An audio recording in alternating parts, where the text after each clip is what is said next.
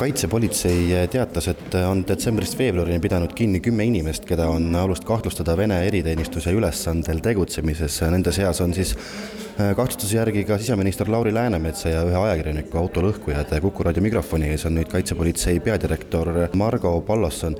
Te ütlete, et Vene eriteenistus on Eestis viinud läbi hübriidoperatsiooni, milles see täpsemalt on seisnenud?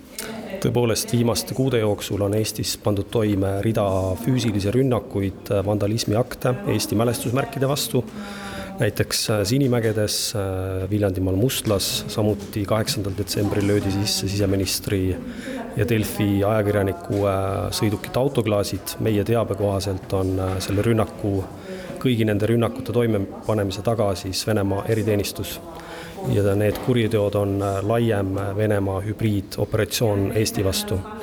et äh, sellise tegevuse eesmärk on Eestit destabiliseerida, külvata hirmu ja nõrgestada Eesti ühiskonda kas saab öelda, millise eriteenistusega on tegemist, on see FSB, GRU? Me teame täpselt, kuhu need niidid viivad, aga praegusel hetkel me seda ei avalikusta veel kas need kümme inimest ähm, on äh, Eesti kodakondsusega? seal on väga erinevad, on Venemaa kodanikud, on Eesti kodanikud, on äh, Vene-Eesti topeltkodanikud. osad nendest on äh, Venemaa elanikud, osad Eesti elanikud.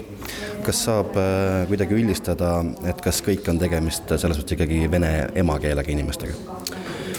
kõik nad räägivad vene keelt, see vastab tõele. Kuidas neid inimesi värvati? Äh, need inimesed, kes on siis alalised Venemaa elanikud, nemad värvati Venemaa territooriumil ja tulid siis oma kuritöid äh, Eestisse toime panema. ja osad nendest värvati sotsiaalmeedia teel, äh, ennekõike inimesed, kes elasid Eestis. kas seda on võimalik öelda, et millised nii-öelda rünnakud toime panemata jäid, mida veel planeeriti? Rünnakud päris mitmed jäid toime panemata tõepoolest, et teatud sümbolisikute vastu, sümbolisikute vara vastu et äh, meil õnnestus nad äh, tõkestada. no kui aktiivselt Vene eriteenistused Eestis ikkagi viimastel aastatel on tegelenud selle nii-öelda mm, pingete tekitamisega?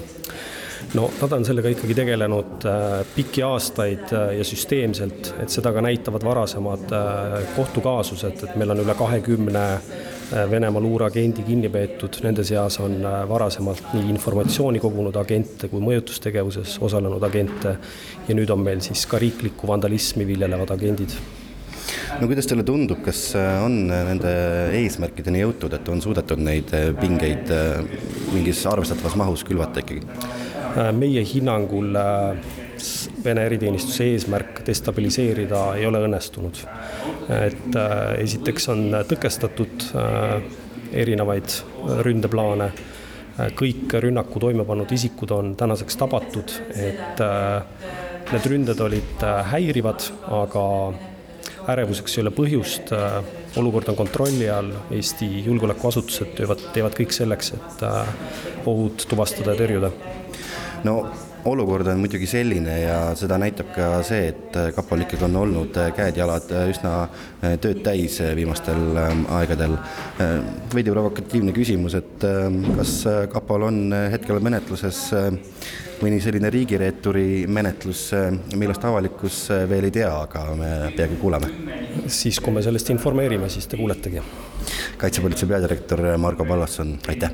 aitäh! riigiprokurör Triinu Olev, need kümme inimest, kes on nüüd läbi detsembri ja veebruari kinni peetud, kui palju neist inimestest hetkel vahi all viibib?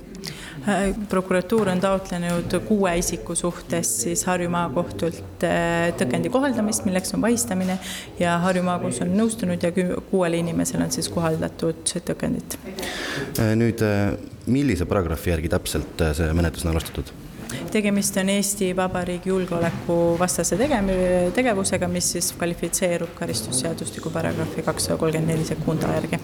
ja maksimaalne karistus sellise paragrahvi eest on milline? karistusseadustik näeb ette selle eest kuni viieteistaastase vangistuse. Äh, kahtlustuse järgi täitsid need inimesed väga erinevaid äh, rolle, kas äh, praeguses menetluse faasis on võimalik võib-olla natuke üldistada, ma saan aru, et täpselt ei saa öelda, aga, aga millis, mis laadi need rollid täita olid neil? Hetkel saame öelda seda, et on peetud kinni kahtlustatavad, keda on alus siis kahtlustada nii sellise Eesti Vabariigi julgeolekuvastase tegevuse planeerimises kui ka neid on peetud kinni isikud, keda on alus siis kahtlustada selle täideviimises. aitäh, riigiprokurör Triinu Olev!